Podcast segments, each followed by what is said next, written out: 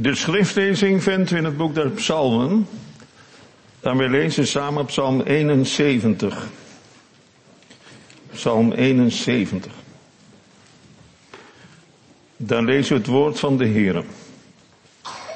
Tot u, Heere, heb ik de toevlucht genomen. Laat mij niet voor eeuwig beschaamd worden. Red mij door uw gerechtigheid en bevrijd mij. Neig uw oor tot mij en verlos mij. Wees mij tot een rots om daarin te wonen, om voortdurend daarin te gaan. U hebt bevel gegeven om mij te verlossen, want u bent mijn rots en mijn burcht. Mijn God bevrijdt mij uit de hand van de goddelozen, uit de hand van wie onrecht bedrijft en van wie vreed is. Want u bent mijn hoop, Heere Heren. Mijn vertrouwen vanaf mijn jeugd. Op u heb ik gesteund van de moederschoot af. Van de baarmoeder af bent u mijn helper. Voortdurend zal mijn lof van u zijn.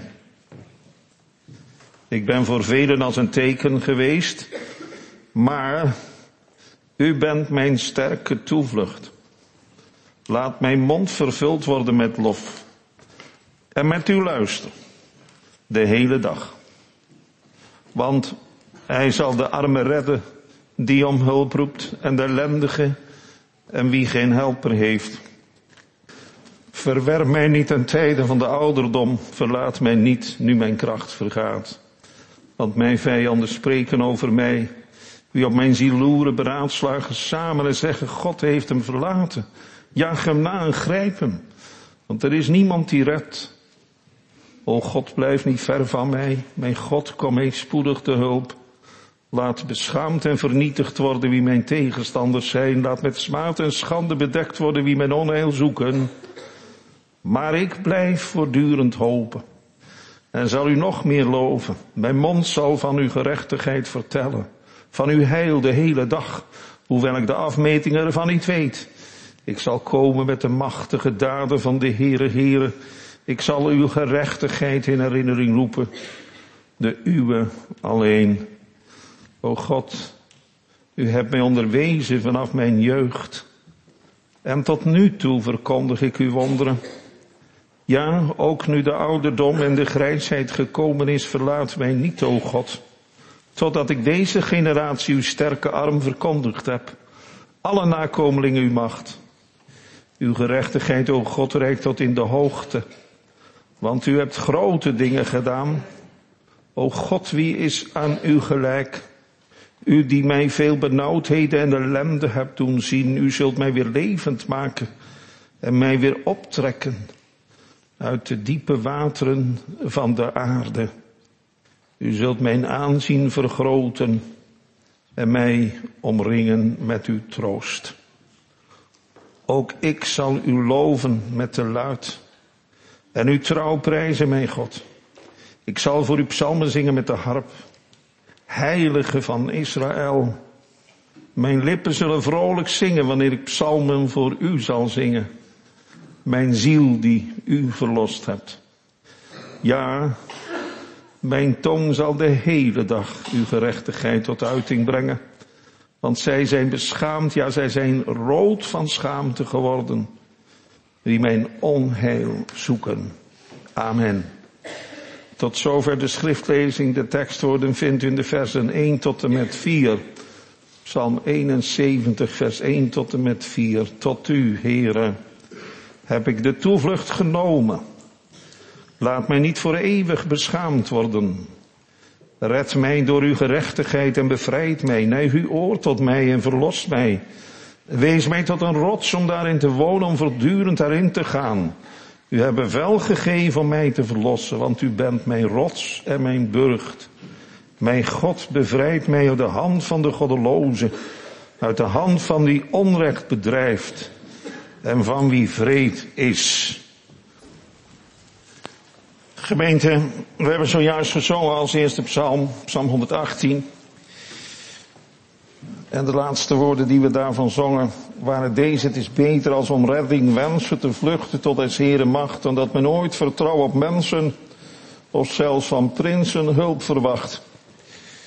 Onberijmd spreken deze woorden me eigenlijk nog meer aan. Het is beter tot de Heere de toevlucht te nemen dan op mensen te vertrouwen.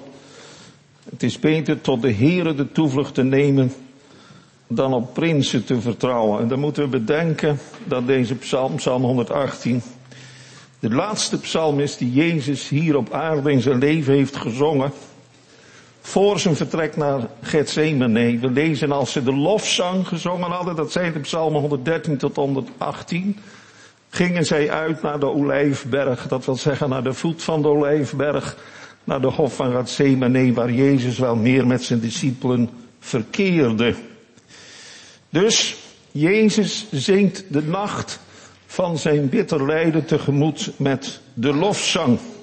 En dat is een nacht geweest dat hij verraden zal worden door Judas die met een verraderlijke kus voor eeuwig afscheid zal nemen voor zijn meester. We weten hoe hij aan zijn einde is gekomen.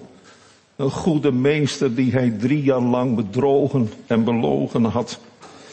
Maar het is ook diezelfde nacht waarin Jezus tot drie maal toe zelfs verlogend is geworden door een van zijn lievelingsdiscipelen, Petrus.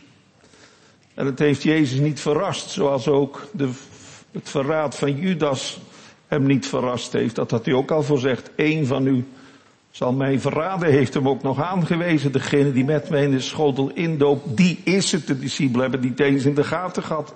En Judas kon vertrekken. Wat je doen wil, doet het haastiglijk, zei Jezus ook nog. En hij ging weg. En het was nacht, lezen we dan. Nou, het was echt nacht. Voor Jezus was het nacht. Een discipel als verrader. Maar in die nacht is daar ook de verloochening van Petrus, maar ook dat verraste hem niet. Eer de haan gekraaid zal hebben, heeft hij het getuigd, zult gij mij driemaal verloochenen. Nou, dat kon natuurlijk niet gebeuren volgens Petrus. Maar we weten dat hij tot driemaal toe heeft gezegd, zelfs onder vloeken en eedsweren, ik ken de mens niet. En dat is dan de man die het beleden heeft. Gij zijt de Christus, de Zoon van God. Vlees en bloed heeft u dat niet geopenbaard, maar mijn Vader die in de hemelen is. In die bange nacht ook, waarin Jezus zelf als een worm en geen man door het stof van de aarde kroop met de woorden, Vader, indien het mogelijk is, laat deze drinkbeker aan mij voorbij gaan, toch niet mijn wil, maar uw wil geschieden. En dat alles terwijl zij laag te slapen.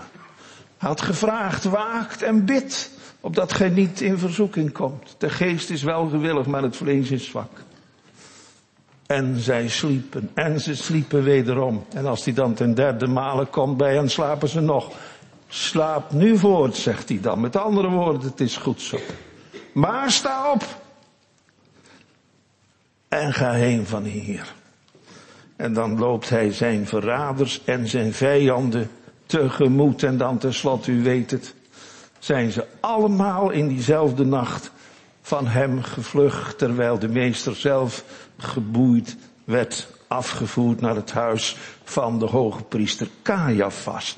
Dus Jezus ervaart hier in die nacht aan den lijve naar ziel en lichaam beide wat hij nog maar even geleden, enkele uren geleden gezongen heeft met zijn discipelen dan dat men ooit vertrouwen op mensen of zelfs van prinsen hulp verwacht. Nou, we kunnen die discipelen toch wel de prinsen noemen. Die volgelingen van Jezus die dagelijks met hem waren opgetrokken. Die hem drie jaar waren gevolgd, lief en leed met hem hadden gedeeld. Drie jaar lang onderwijs hebben gekregen van die grote leraar der gerechtigheid. En dan toch, als het erop aankomt, blijken deze prinsen te vluchten als hun meester door zijn vijanden in de boeien wordt geslagen. En dan is het in Psalm 71 ook zo dat een dichter belaagd wordt door vijanden. En dan zouden deze psalm, en daarom heb ik ook voor deze tekst worden gekozen, zouden we zomaar kunnen betrekken op het volk van Israël. In de grote benauwdheden waarin dit volk op dit ogenblik verkeert. En dan gaan we eens luisteren wat die dichter in deze psalm nou zegt. In onze tekstwoorden. En dan denken we ook aan Israël. Eerste vers, mijn God. Of in vers 4, het gaat mij nu over de vijand. In vers 4 horen we de dichter van de psalm bidden. Mijn God bevrijdt mij van de hand van de goddeloze en van de hand van die hem verkeerd handelt en van hem die vreed is. En in vers 10, want mijn vijanden spreken van mij en die op een ziel loeren, beraadslagen tezamen zeggende, God heeft hem verlaten, jaagt na grijpt hem, want er is geen verlosser, laat hem beschaamd worden, laat hen verteerd worden die mijn ziel tegen zijn, laat hen met smaad en schande overdekt worden. En dan tenslotte ook in vers 12 en 13, O God, blijf niet ver van mij. Mijn God, kom mij spoedig te hulp. Laat hem beschaamd en vernietigd worden wie mijn tegenstanders zijn. Laat met smaad en schande bedekt worden wie mijn onheil zoeken. Nou, u hoort wel wat een vijandschap er leeft jegens hem. Ze hebben het op zijn ondergang gemunt. En zo is het met het volk van Israël niet anders. De vernietiging van het volk. Dat is de bedoeling van wat, van wat er gebeurt op dit ogenblik. En nu mogen direct al in die eerste woorden van de psalm horen in onze tekstwoorden. Bij wie deze dichter nu zijn troost zoekt en zijn hulp en zijn redding. Tot u, o Heere, neem ik de toevlucht. In de gewone statenvertaling staat, op u, o Heere, betrouw ik.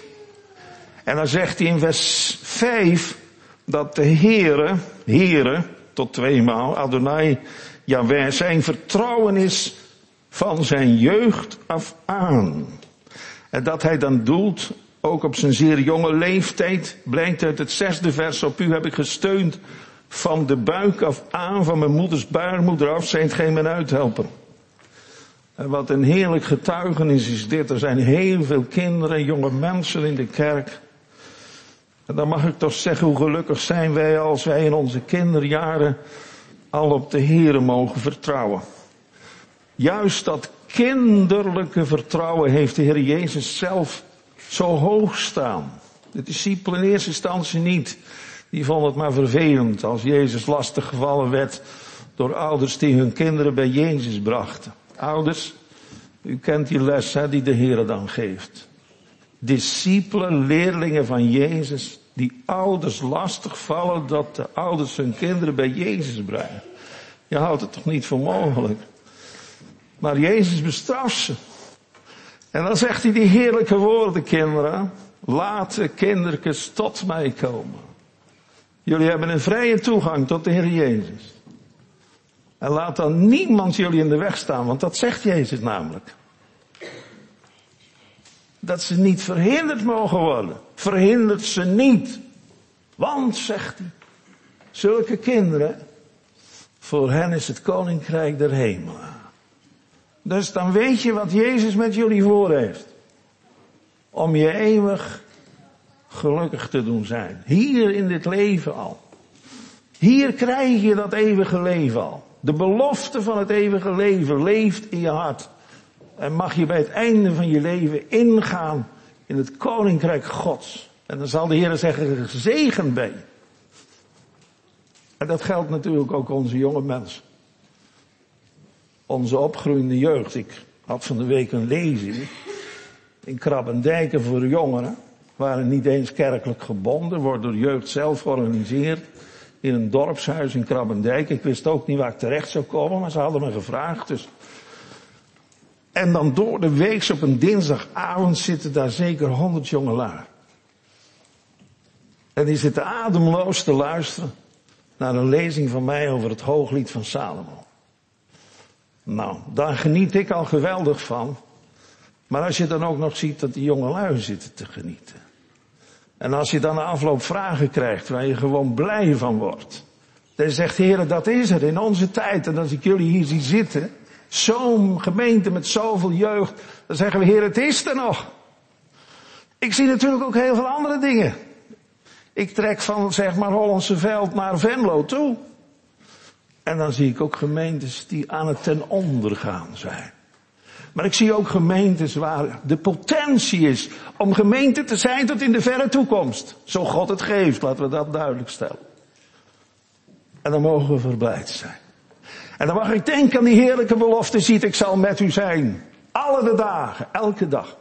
Tot aan de voleinding van de wereld. En dan mogen we zeggen, en ik zal in dit vertrouwen leven. En dat melden in mijn lied. En als het dan moeilijk is, dan ook nog. Ik zal zijn lof zelfs in de nacht zingen daar ik hem verwacht. En mijn hart wat mij ook mogen treffen tot de God van mijn leven hef. Kinderlijk geloofsvertrouwen. Jezus zegt tegen die discipelen. Indien gij niet wordt gelijk een kinderke, je kunt het koninkrijk gods niet ingaan. En dat geldt ons ook als ouder. Als vaders en moeders, als opa's en oma. En een kinderlijk geloof is natuurlijk geen kinderachtig geloof. Nee, een kinderlijk geloof is dat geloof dat onvoorwaardelijk op God vertrouwt. Zoals een kind onvoorwaardelijk op papa en mama vertrouwt. Dat vertrouwen wordt niet beschaamd bij die kinderen. En dat zegt deze dichter ook. Laat mijn vertrouwen niet beschaamd worden. En nou hebben wij, toen we kind waren, en als we kind zijn, Psalm 25 geleerd. Dat is nog steeds zo. Dat gaat alle geslachten door. En dat begint zo prachtig met dat lied wat we leerden. Heere, maak mij uw wegen. Door uw woord en geest bekend leer mij hoe die zijn gelegen en waarheen gij u treden bent. Kinderen, dat is een gebed. Dat bid je tot je levenseinde toe. Dat bidden wij nog steeds. Ook als je oud bent. Mijn moeder is 90 jaar geworden. Die heeft tot haar 88ste jaar dat lied gezongen. Iedere dag bij de afwas. En toen ging ze naar een verpleeghuis, dus toen hoefde ze niks meer af te wassen. Maar in haar hart heeft ze het wel gezongen. Dat weet ik zeker. Maar anders hoorden wij iedere dag als we bij moeder waren, haar tijdens de afwas dit lied zingen. En dan weten we allemaal wat daarop volgt. Wie heeft lust de Heere te vrezen? Dat hoort erbij.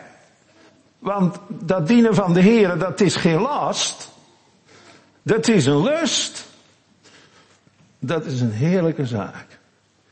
En er zijn een hoop kinderen van God in Kralingse Veer. Maar als er dan gevraagd wordt, wie is de Heer Jezus voor je? Dan moet je het ook eerlijk vertellen. Dan zeg je, nou, dat zal ik jou eens gaan vertellen. Wie Hij voor mij is.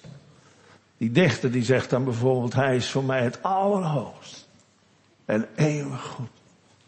En zo is hij mijn leidsman. En zo leert hij hoe ik wandelen moet. En zo mag ik geloven dat hij het goed is dat nooit meer vergaat. En dat ik ook het gezegend aardrijk ga erven. Nou ja, ga maar door, ga maar door, ga maar door. Wie is de Heer Jezus voor u en voor jou? En zo worden we, dat begrijp je wel, bij het ouder worden steeds meer onderwezen in de weg van de zaligheid door de Heilige Geest. Maak mij uw wegen door uw woord en geest bekend. En dan wil deze dichter ons laten horen dat er inderdaad maar één is tot wie wij in al onze noden en moeite en zorg en verdriet de toevlucht hebben te nemen.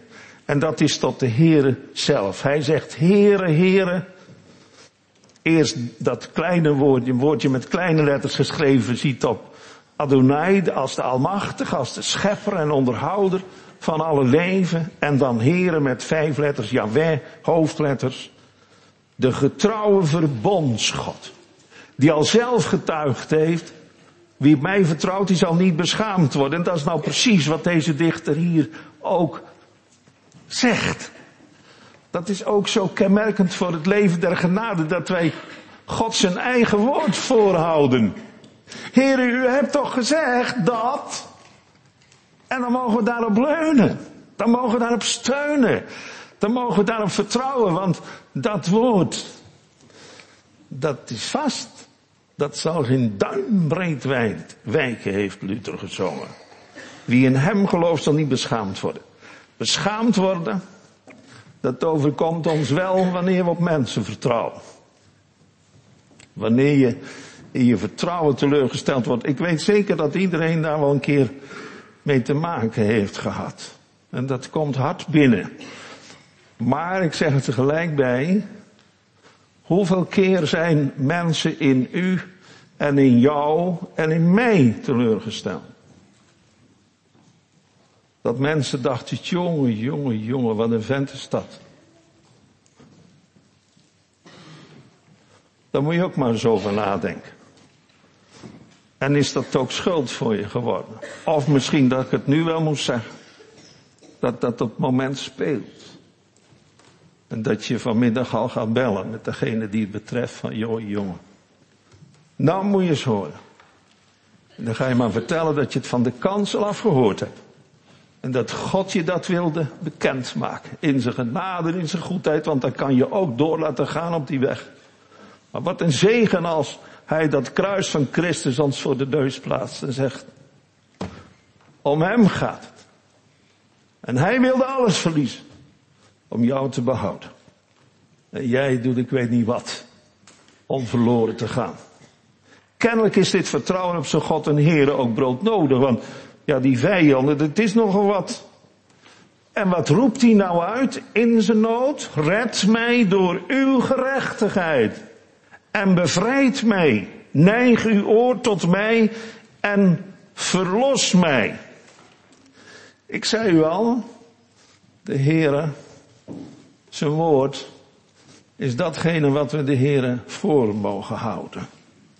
En dat hij hier een beroep doet, een appel doet op de gerechtigheid van God.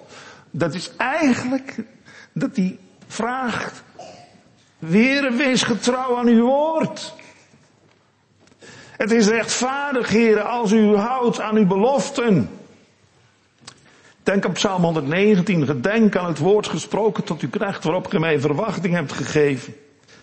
En dan is die nood zo groot dat hij zegt tegen de Heer, Heer, neig uw oor tot mij. Heere, buig u naar mij toe in mijn zwakheid, in mijn ellende. Zonder u ben ik nergens. Jezus heeft het zijn discipelen geleerd, zonder mij kun je niks doen. Wat heerlijk als je mag weten, in Hem leven wij. In Hem bewegen wij ons.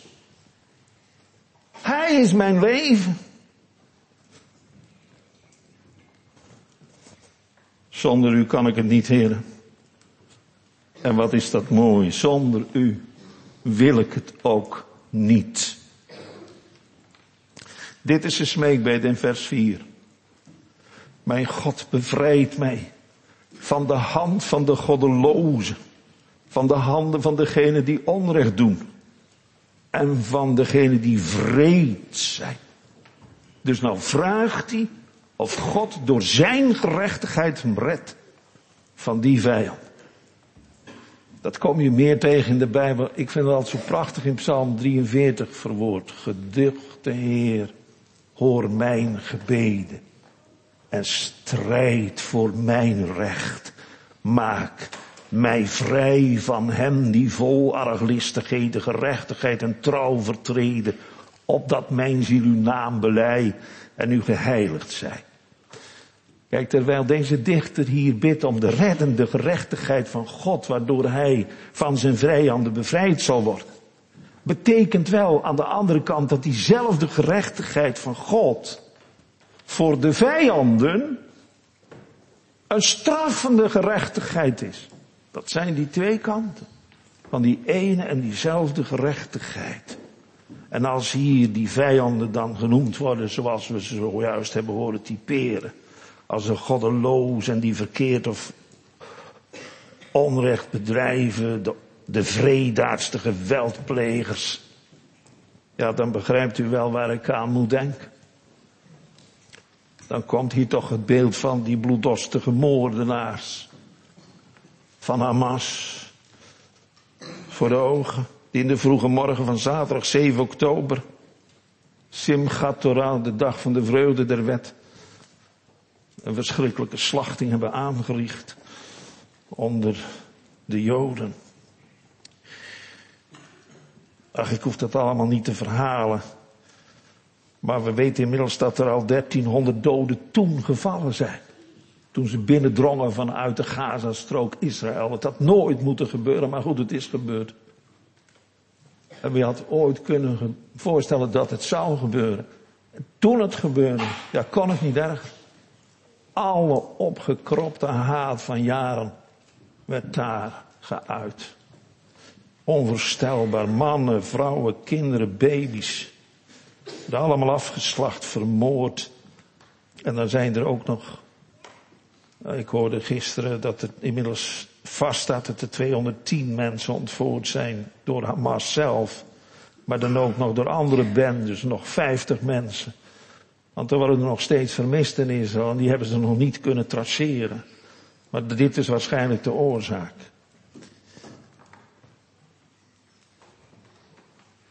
Wat blijft er nou voor ons over? Net als wat deze dichter doet. Laat ons bidden. Heere, red dit volk. Door uw gerechtigheid. Wij weten niet wat er zich afspeelt bij de regering van Israël. Hadden een enorme verantwoordelijkheid. Een leger gemobiliseerd van 360.000 mensen. En dan Hamas uh, Gaza binnengaan. Oh, ik hoop dat ze ook beseffen dat er in de Bijbel staat, mij komt te wraken toe, ik zal het vergelden. En daarom hebben ze gebed nodig, gemeente. En dan mogen we ook binnen, of daar in de regeringsgebouwen ook Joden zijn die op de knieën gaan. Dat ik net een ja hoor bidden, heren, red ons door uw gerechtigheid en laat ons niet beschaamd worden. Hoe actueel hè, zo'n gebed dan ineens voor ons allemaal geworden. En dan moet je eens kijken hoe hoog de nood is. Want hij gebruikt die drie synoniemen voor, voor, voor, voor, voor bevrijding. Hij spreekt over redding, hij spreekt over bevrijding en hij spreekt over verlossing. En dat alles door de gerechtigheid van God. Het geeft aan hoe verschrikkelijk gevaar het is voor deze man. Nou, ik hoef u niet te vertellen hoe ernstig de situatie op dit ogenblik is. Want dit geldt niet alleen de Gazastrook. Kan van alle kanten, kan er een vijand opduiken. Met name uit het noorden, Hezbollah, westelijk Jordaanhoever. Kortom, de nood is groot. En laat ons ook beseffen dat Israël niet het, het uitsluitende doel is. Hè? Het is, slechts het eerste doel van Hamas. Een Frans aan de krant, de Jeruzalem Post, wees er al vrij snel op, nadat dit alles had gebeurd was, dat de medeoprichter van Hamas, een zekere Mahmoud al-Zayar, in december 2022 het volgende zei, en ik citeer nu deze Hamas-man, er zullen straks geen Joden en christelijke verraders meer zijn. De hele 510 miljoen vierkante kilometers van de planeet aarde zullen dan tot een systeem, dat is het islamitische systeem, zonder onrecht behoren. Zonder onderdrukking door Zionisme, Jodendom. Zonder het verraderlijke christendom. En zonder de moorden en de misdaden zoals die tegen de Palestijnen en Arabieren in Libanon, Syrië, Irak en andere landen worden gepleegd. Is wat, hè? Dus niet alleen de Joden staan op het lijstje om vernietigd te worden, maar ook u, jij en ik. Als het Hamas betreft, dan weet u wat de drijver is van deze mensen om te doen wat ze doen. En als wij van al deze benauwdheden lezen, ja, dan kom je toch weer onwillekeurig uit bij hem van wie geschreven staat, hij is in al onze benauwdheden benauwd geweest. Opdat hij ons te hulp zou kunnen komen. En dan heb ik het over de Heer Jezus Christus. Want als hij door zijn discipelen is verlaten, dan gaat het gebeuren niet maar. Hij heeft die drinkbeker om te lijden en te sterven. Om de zonde van het ganse menselijke geslacht op zich te nemen. De zonde van de wereld staat. En de toren van God over het ganse menselijke geslacht te dragen. Die weg gaat hij. En wat is dat ook een strijd voor hem geweest, hè? met name natuurlijk in de hof van Gethsemane. Daar kun je, waar hij in zijn menselijke natuur al die benauwdheden op zich af ziet komen. Al uw baren en uw golven zijn over me heen gegaan. Ja, daar bidt hij drie keer. En hier zien we drie keer redding, verlossing, bevrijding. Indien het mogelijk is, laat deze drinkbeker voor mij voorbij gaan. Toch niet mijn wil, maar uw wil geschieden. Nou, die wil is ook geschied. Hij heeft die drinkbeker leeg gedronken tot de laatste druppel toe.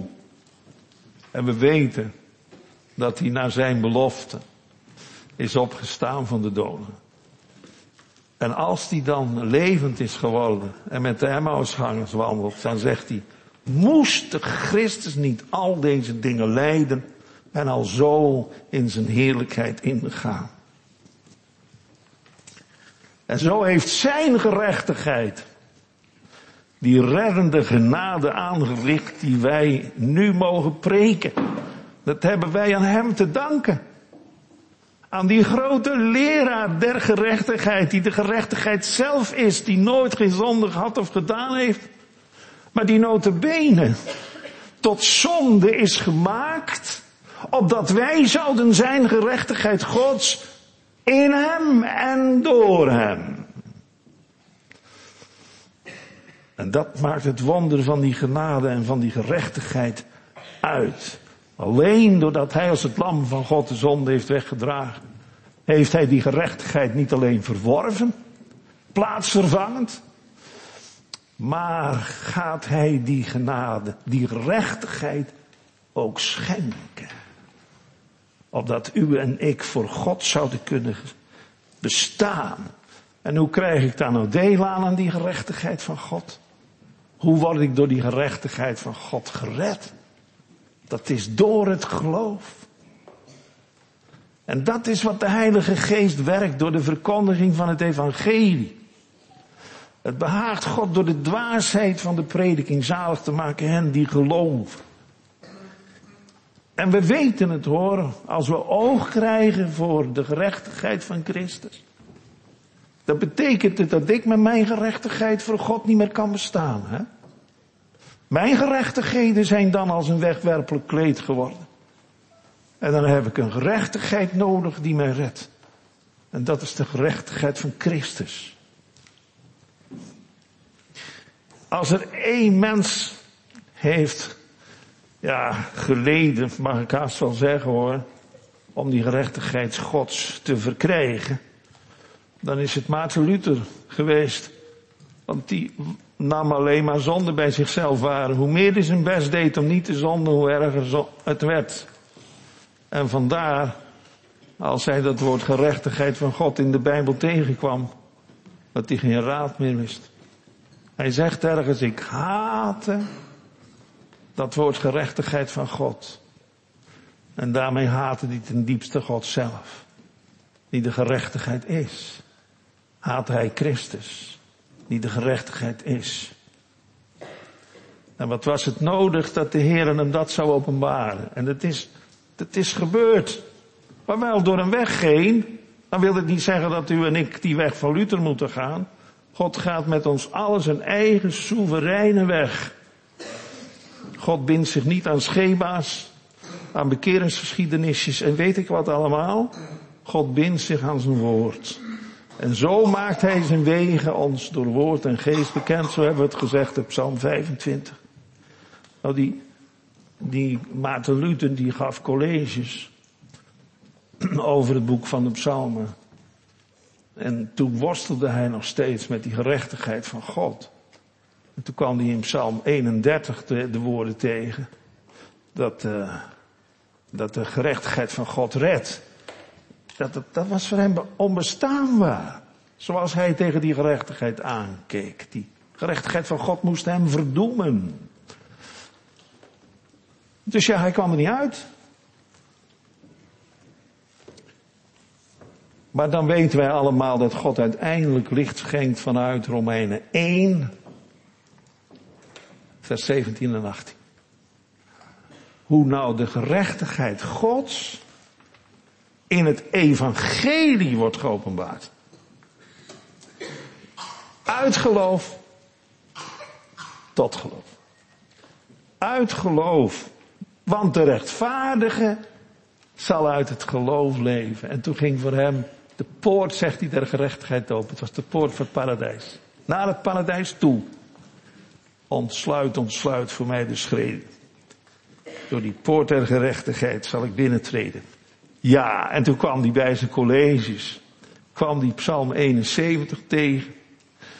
En dan las hij het weer. Maar ja, toen mocht hij het verstaan. Toen had God het hem geopenbaard. Want dat gebeurt dan. Vanuit het evangelie. Vanuit de Heer Jezus Christus. Die onze gerechtigheid is, zoals Jeremia dat zegt. Omdat Jezus nu al die zonden ook van Maarten Luther heeft weggedragen. En ook u en mijn zonde heeft weggedragen. Alleen er was geloof voor nodig om daar nu de kracht en de troost en de moed en de blijdschap in te vinden. Want oh, wat wordt het dan toch anders? Als we mogen weten voor onszelf, de schuld is volks, heb je uit uw boek gedaan, ook ziet ge geen van hun zonde. Dan heeft hij in wraak geen lust meer. Dan is de hitte van zijn gramschap geblust.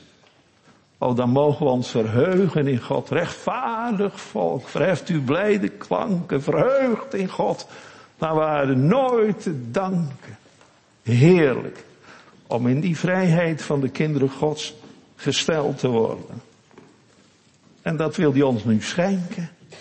Dat wil hij ook vanmorgen weer aan ons kwijt, aan jong en oud. En nou vraagt de dichter, wees mij een rotsteen om in te wonen, om gedurig daarin te gaan.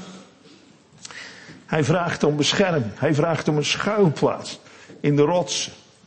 Een spleet, een nauwe spleet waardoor die in kan gaan en niet gezien kan worden, ook moeilijk bereikbaar, hoog in de bergen. Kortom, hoog en droog en veilig. Maar ook om er gedurig in te gaan. Om erin te wonen, zegt hij.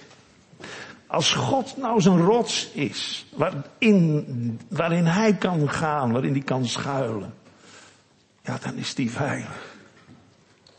De dichter van Psalm 143 zegt, bij u schuil ik. Een veiliger plekje is er niet. Hij neemt de toevlucht tot de rotsteen. En dan wordt er nog een woord burcht genoemd.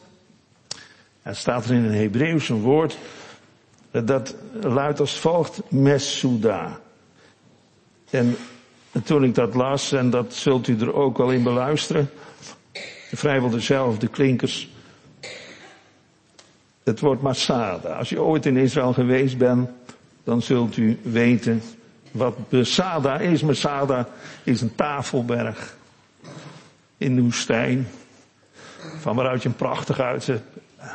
Je kunt heel ver zien als het helder weer is. Je ziet in ieder geval de Dode Zee. En dat is door Herodes de Grote gebruikt, die tafelberg, om een onneembare vesting, een burcht op te bouwen. Nou, dat woord Masada heeft natuurlijk alles te maken met Masuda. En nou bidt deze dichter niet, mag ik in die rots van Herodes de Grote schuilen. Nee, het gaat om het beeld. Dat u een beeld hebt van, oh dat is zo veilig. Het is een onneembare vesting. Je kunt er haast niet komen. Het is hoog. En dan de muren eromheen. Kortom, onneembaar. Zo veilig als je maar denken kunt. Nou, Zo veilig weet deze dichter zich geborgen bij zijn God. Denk eens aan Psalm 32. Gij zijt mij, Heer, een schuilplaats in gevaar. Gij zult mij voor benauwdheid trouw bewaren. En dan die woorden, die zo diep zijn. Geomringd me. Hij weet zich helemaal omgeven door zijn God. Hij hoeft niet voortdurend te denken, oh, daar, of daar, of daar. Nee, geomringd me. Hij is er helemaal bij. Hij leeft in zijn God en hij beweegt zich in zijn God. En dan tegelijkertijd, daar gij mij in ruimte stelt. Dat dus ook, hè. Je helemaal ingekapseld weet als het ware. Door de Heere God als je beschermer. Als je behoeder, als je bewaarder. En dan tegelijkertijd de ruimte beleven van de vrijheid van de kinderen Gods. Heerlijker kan het ons toch niet gepreekt worden. Hij weet zich helemaal omgeven door Gods reddende gerechtigheid en door Gods bewarende bescherming. Nou, en dan hopen we oh, dat dat volk op deze wijze toch ook iets van die genade van Gods reddende bescherming mag ervaren. En dat ze er ook om verlegen zullen zijn. En dat wij ook in onze gebeden daar zo mee bezig mogen zijn. Want als je nou eens kijkt wat die reddende gerechtigheid teweeg brengt in deze psalm. In het hart van deze dichter. Dan gaan we eerst nog even kijken. U moet uw bijbeltje maar even pakken. Ik zal ook uw vertaling die u gebruikt hier nemen. Dan gaan we eerst kijken naar vers 2. Daar staat, red mij door uw gerechtigheid. Daar is het mee begonnen. Hè? En dat hebben we proberen uit te leggen. Maar dan moet u eens kijken wat er dan gebeurt nu die zich ons beschermd weet door die God. En wat we zojuist hebben proberen te zeggen. Dat hij woont bij God in die, in die rotsen. Dat hij bij God is in die, in die burg, die ondoordringbare burg. Hij omringd wordt door God. En dan moet je kijken. En dan gaan we naar vers 15 toe. Mijn mond zal van uw gerechtigheid vertellen. Van uw heil. Dat is die ruimte, hè? Van uw heil. De hele dag. En dan zegt hij er nog bij, hoewel ik de afmetingen ervan niet weet. Zo allesomvattend is het. De afmetingen kan hij niet noemen. Maar oh, weet ervan hoor. Ik zing ervan. Van uw heil. Van uw heil de ganse dag. En dan naar vers 16. Ik zal komen met de machtige daden van de Heer. Ik zal uw gerechtigheid in herinnering roepen, de uwe alleen. Ik zal ze nooit vergeten. Hem mijn helper heten. Al mijn hoop en lust. Vers 19. Uw gerechtigheid, o God Rijk tot in de hoogte. Want u hebt grote dingen gedaan. O God, wie is aan u gelijk?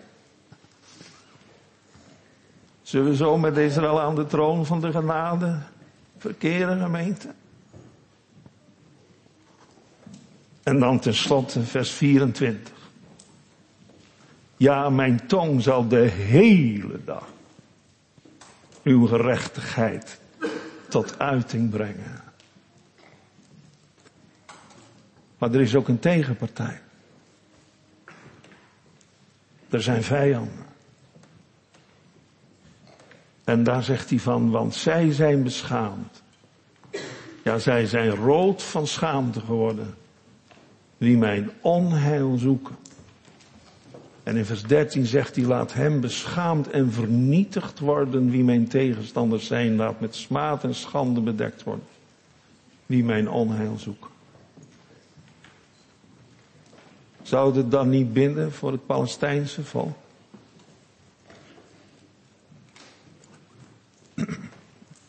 Wat was de eerste benen van Jezus aan het vloekhout?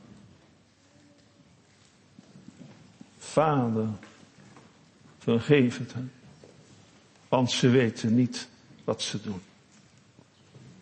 Ach, wij weten, daar is een bende van moordenaars. En ik denk dat we er allemaal mee eens zijn dat Israël zich verdedigt tegen zo'n bende van slachters. Maar we weten ook hoe daar vele kinderen en jongeren, net als jullie, ja, door die bommen ten onder kunnen. En misschien wel zullen gaan, want wij weten niet wat er nog staat te gebeuren.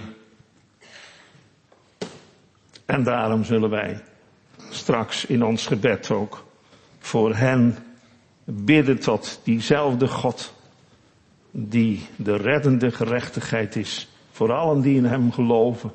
Maar dat moeten we ook tegen u en tegen jou zeggen. Die ook een wrekende gerechtigheid heeft. Vooral degenen die hem verwerpen. Die hun hoofd omdraaien als de Christus der schriften gepreekt wordt. En die met hun hart zich verre van hem houden. Oh, wat mag ik dan zeggen van hem? Ik las vanmorgen meditatie, zo mooi, over het komen tot Jezus. Jezus zegt, kom tot mij. Alle die vermoeid en belast zijn. En wie tot mij komt, die zal ik geen zins uitwerpen. En dan staat er in het Grieks een woord, wie dat ook maar is. Nou, daar wil ik dan mee eindigen vanmorgen. Wie je ook bent, wend je met al je zonden en al je schuld en al je ellende tot Hem die je nodigt. Ook nu nog. Kom tot uw heiland. Wacht niet langer. Amen.